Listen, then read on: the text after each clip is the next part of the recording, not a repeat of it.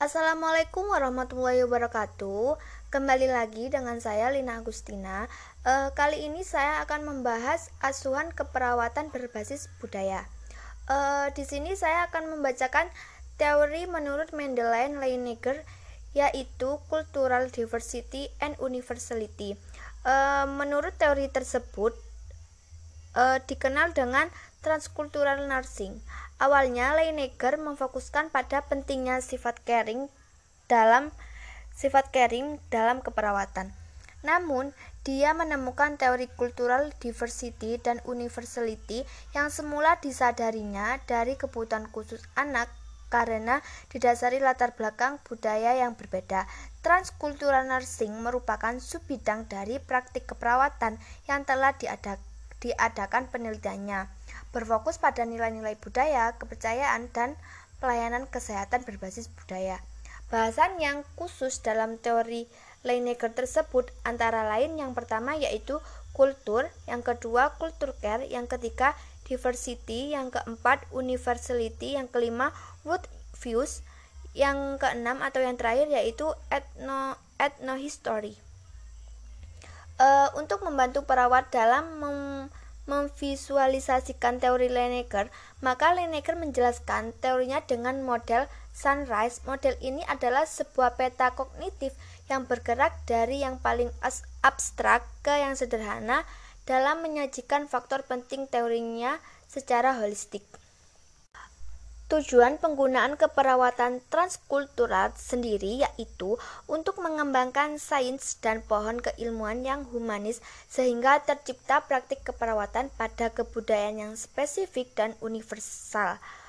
Dalam hal ini, kebudayaan yang spesifik merupakan kebudayaan yang hanya dimiliki oleh kelompok tertentu, misalnya kebudayaan suku anak dalam, suku Batak, suku Minang, sedangkan kebudayaan yang universal universal adalah kebudayaan yang umumnya dipegang oleh masyarakat secara luas, misalnya kebiasaan mencuci tangan sebelum makan merupakan perilaku yang baik untuk meminimalisir tubuh terkontaminasi oleh mik mikroorganisme ketika makan.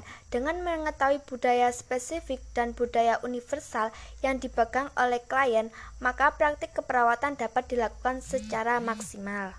Kelebihan teori Middle Ledger ini yaitu e, ada empat, tapi di sini saya akan menyebutkan dua. Yang pertama yaitu e, merupakan pers pers perspektif teori yang bersifat yang bersifat unik dan kompleks karena tidak kaku memandang proses keperawatan bahwa kebudayaan klien juga sangat patut diperhatikan dalam memberikan asuhan.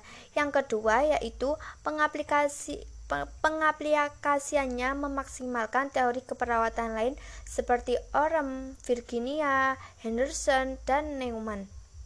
E, kelemahannya di sini yaitu teori ini tidak mempunyai metode spesifik yang mencakup proses asuhan keperawatan.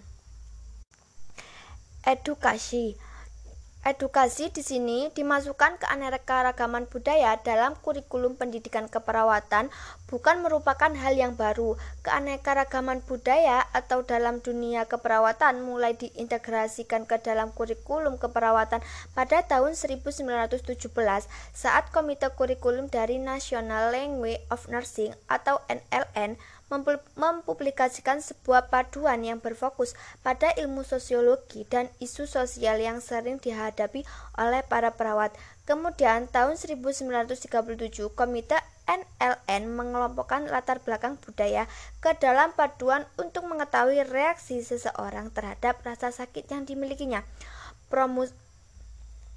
Promosi kurikulum pertama tentang transkultural nursing dilaksanakan antara tahun 1965 sampai 69 oleh Madeleine Leiniger.